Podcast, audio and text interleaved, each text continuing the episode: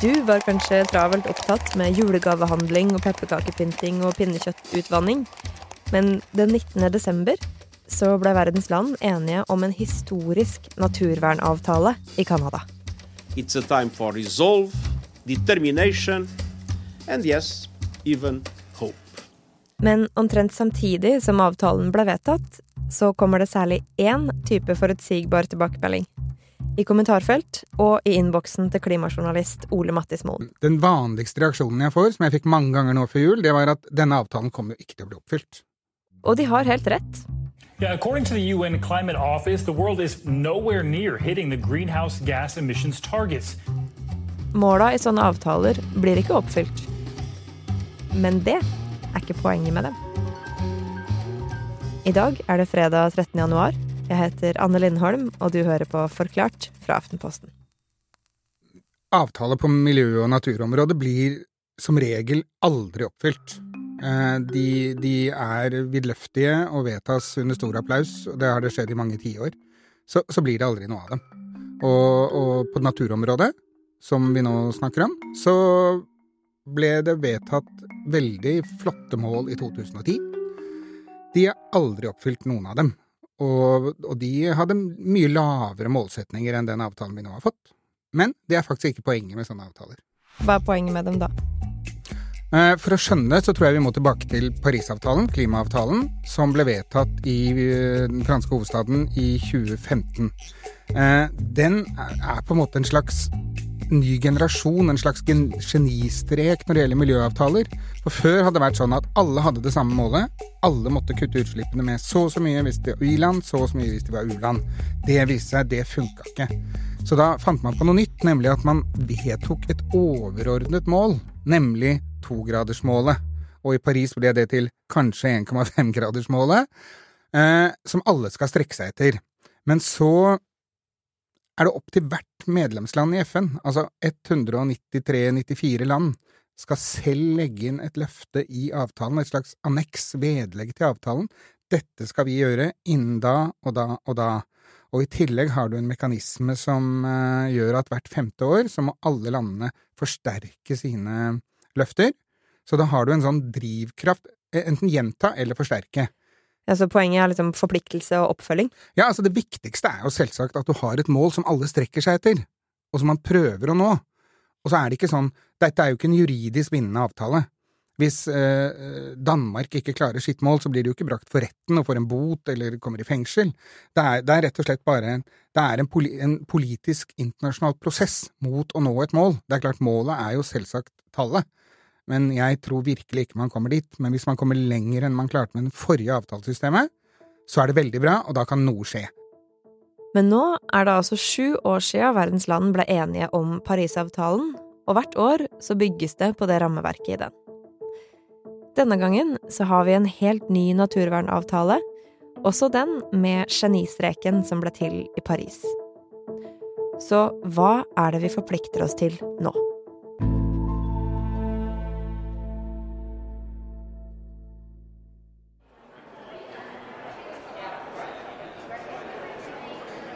Altså, toppmøter, uansett om det dreier seg om natur eller klima, er som en slags organisme av surr og stress og svette og elendige bagetter i, pakket inn i plast. Og det smaker det samme enten et toppmøte er i Polen, i Indonesia eller eh, i Montreal, som det var nå. Mennesker som haster frem og tilbake. Noen haster fordi at de skal arrangere en pressekonferanse hvor de skal fortelle og klage på at ikke det skjer noe. Andre skal arrangere en pressekonferanse hvor de skal fortelle at nå er det blitt bitte litt enighet. Eh, ministre som kommer ut og prøver selvsagt å fremstå best mulig og fortelle at nå reddes verden, og sånn og sånn. Det er en organisme, og det er nesten så jeg liksom Når jeg sto der i Montreal nå før jul, så var det nesten så jeg liksom tenkte er dette et klimatoppmøte, eller er det et naturtoppmøte? Det ligner veldig. Det er sånn man skrur sammen internasjonal politikk, nemlig at mennesker snakker sammen. Og dette toppmøtet i Montreal ble avslutta med en enighet om en naturvernavtale. Hva var det de blei enige om? Eh, først må jeg si at det, det er nesten en slags copy-paste av Paris, av Parisavtalen på klima, nemlig at man har vedtatt overordnede mål.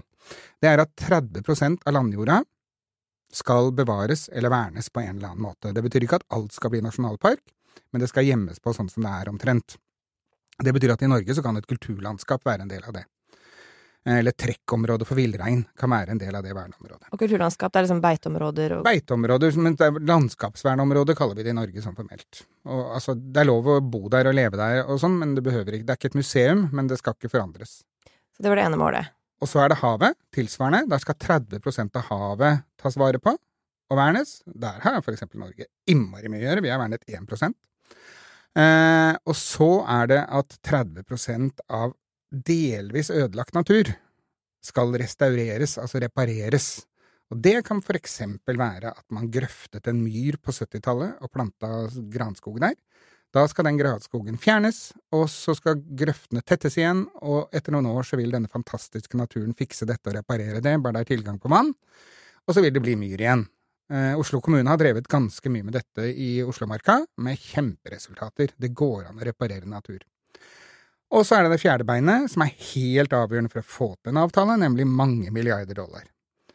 Så er det satt eh, Det er laget forskjellige fond og sånn og sånn, og løfter om at det skal så og så mange hundre milliarder i året skal brukes eh, Dollar, altså, skal brukes overføring fra, til overføring fra rike land til fattige land.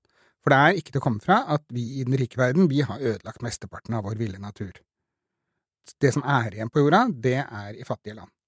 Og hvis de skal ha råd til å la være å bygge ut det, la være å hogge regnskogen sin, eller grave ut torva i store våtmarksområder, eller demme opp for elvedeltaer, så, må de, så må noen være med å betale det. Vi kan ikke forvente at de skal gjøre det selv. Og det er det stor aksept for.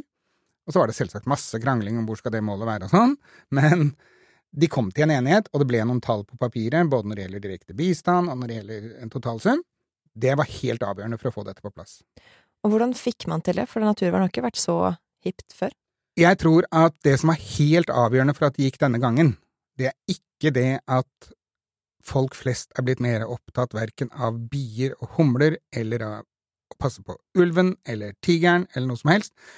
Jeg tror at den helt avgjørende biten her er klimaforskerne og FNs klimapanel, som i fjor sa veldig tydelig at det er helt umulig å klare å bremse klimaendringene uten at vi har hjelp av naturen. Naturen må gjøre en stor del av jobben for oss, men da må vi la, naturen være. Da må, da må, vi la naturen få lov til å hjelpe oss.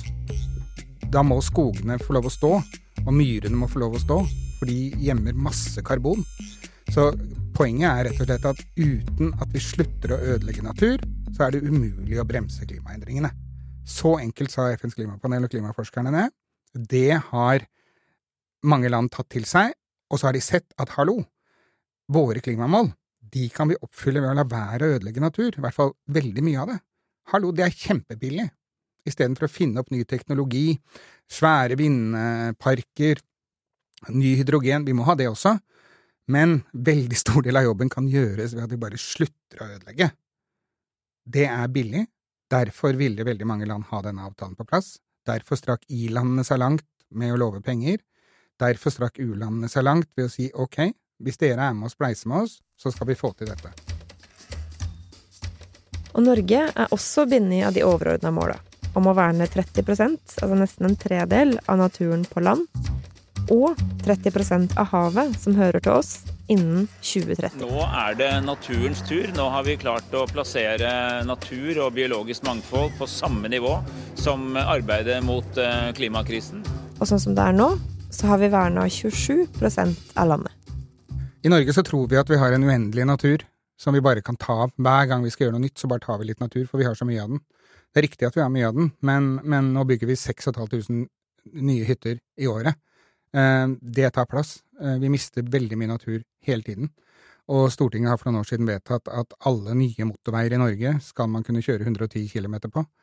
Eh, jeg lagde en sak i fjor hvor man, hvor man dokumenterte hvor utrolig mye større naturinngrep det er med å kjøre 110 enn å kjøre 90. Eh, og hvis man insisterer på å måtte kjøre 110 fra Oslo til hytta i fjellet, som liksom ligger i planverket nå, så sier det seg selv at veldig, veldig mye natur kommer til å bli ødelagt både der hvor hyttebyen ligger, og på veien på å komme dit. Og det er ikke forenlig med dette her, fordi at uh, det er bare faktisk 2,5% av Norge som er bygget ut med noe. Veier eller byer eller hytter. Eller hus eller gårder. Men den naturen som er igjen mellom der, den gnages det på hele tiden.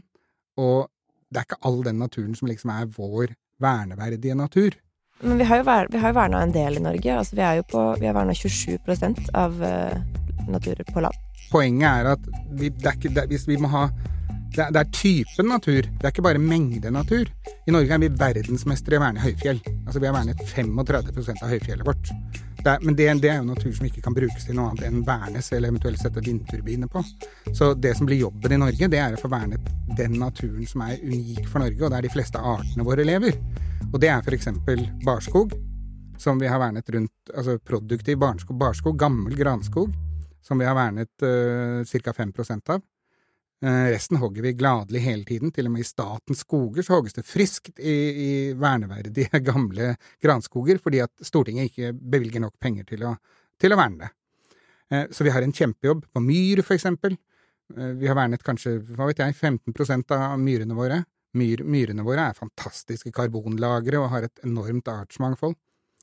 For å klare det vi nå har lovet verden, som vår del av denne jobben, i tillegg til å bevilge penger til regnskog, så må vi faktisk slutte å ødelegge norsk natur. Så enkelt er det, og det er ganske billig. Så hva, hva må Norge gjøre, da, for å oppfylle kravene i denne avtalen? Vi må passe på at mer myr, mer gammel skog, blir tatt vare på. Eh, vi har vernet, eller tatt vare på, 1% av havområdene våre. Havlandet Norge må opp i 30% innenfor territorialgrensen. Eh, vi må, vi må, bestemme oss for at vi kan ikke gjøre alt som før, for da går det gærent. Da forsvinner artene våre for alltid, og vi klarer ikke å oppfylle avtalen. Så poenget er at vi, vi må gjøre ting på en annen måte, og den enkleste måten er, som jeg har sagt mange ganger, det er å slutte å ødelegge. Og slutte å liksom tenke at naturen vår er uendelig, og vi kan bare ta den hele tiden. For, som det kom fram i en rapport som kom rett før det her toppmøtet om naturvern, hvis vi fortsetter som nå, så vil 27% av verdens dyr og planter dø ut innen de neste 80 åra. Og blant de som er trua, er hønsehauken, som trenger tett skau. Det er haitypen brugde, som brukes til fiskeolje og potensmiddel, blant annet. Og Sumatra-orangutangen og havpattedyret dugong. Og håpet er å redde flere dyre- og plantearter ved å verne naturen de bor i. Men det var ikke bare forhandlere og politikere som heia på avtalen i Canada. Næringslivet har tradisjonelt hatt en bremsende rolle i alle miljøforhandlinger og alle sånne sammenhenger. Vi så det før Paris, der hadde det skjedd noe. Store internasjonale konserner og store norske konserner, jeg husker Heinz Ketchup, Google, eh, Yara, de gikk i front og krevde at Parisavtalen skulle bli så bra som mulig. Storebrand, de ville ha det. Mange investeringsselskaper, finansnæringen, var på hugget.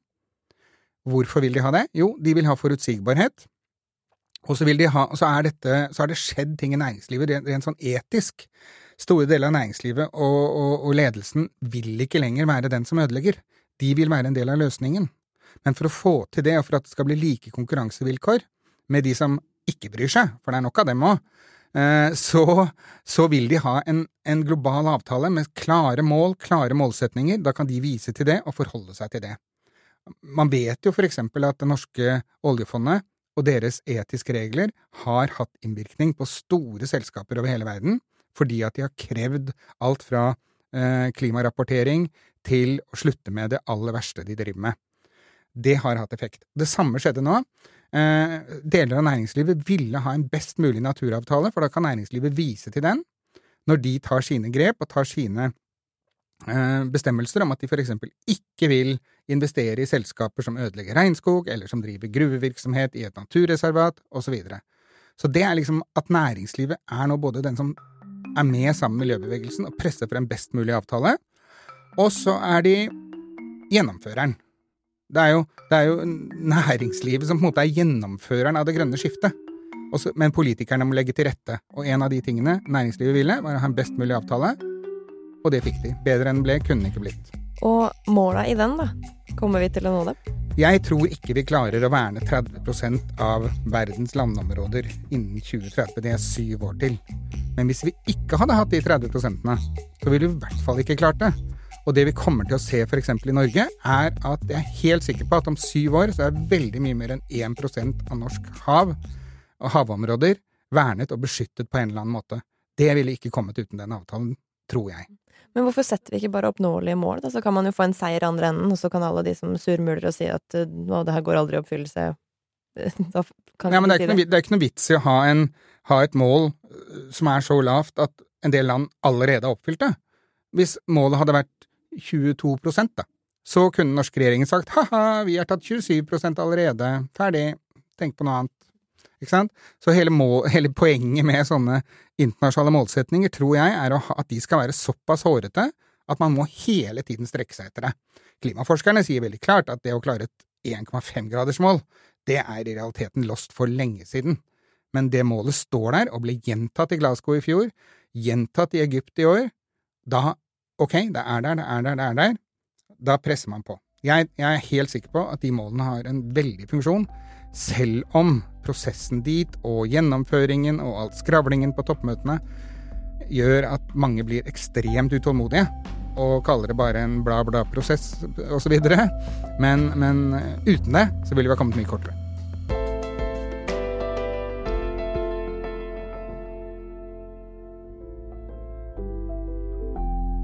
Du har hørt Forklart, en podkast fra Aftenposten. I denne episoden så var det Ole Mattismoen som fortalte om klimaavtaler og naturvernavtalen som verdens land ble enige om i Canada. Det var produsent Philip A. Johannesborg og jeg, Anne Lindholm, som hadde laga denne episoden. Og du har lydklipp fra nyhetsbyrået AP og fra NBC News. Resten av Forklart er Anders Weberg, Synne Søhol, Marit Eriksdatter Gjelland, David Vekoni og Jenny Føland.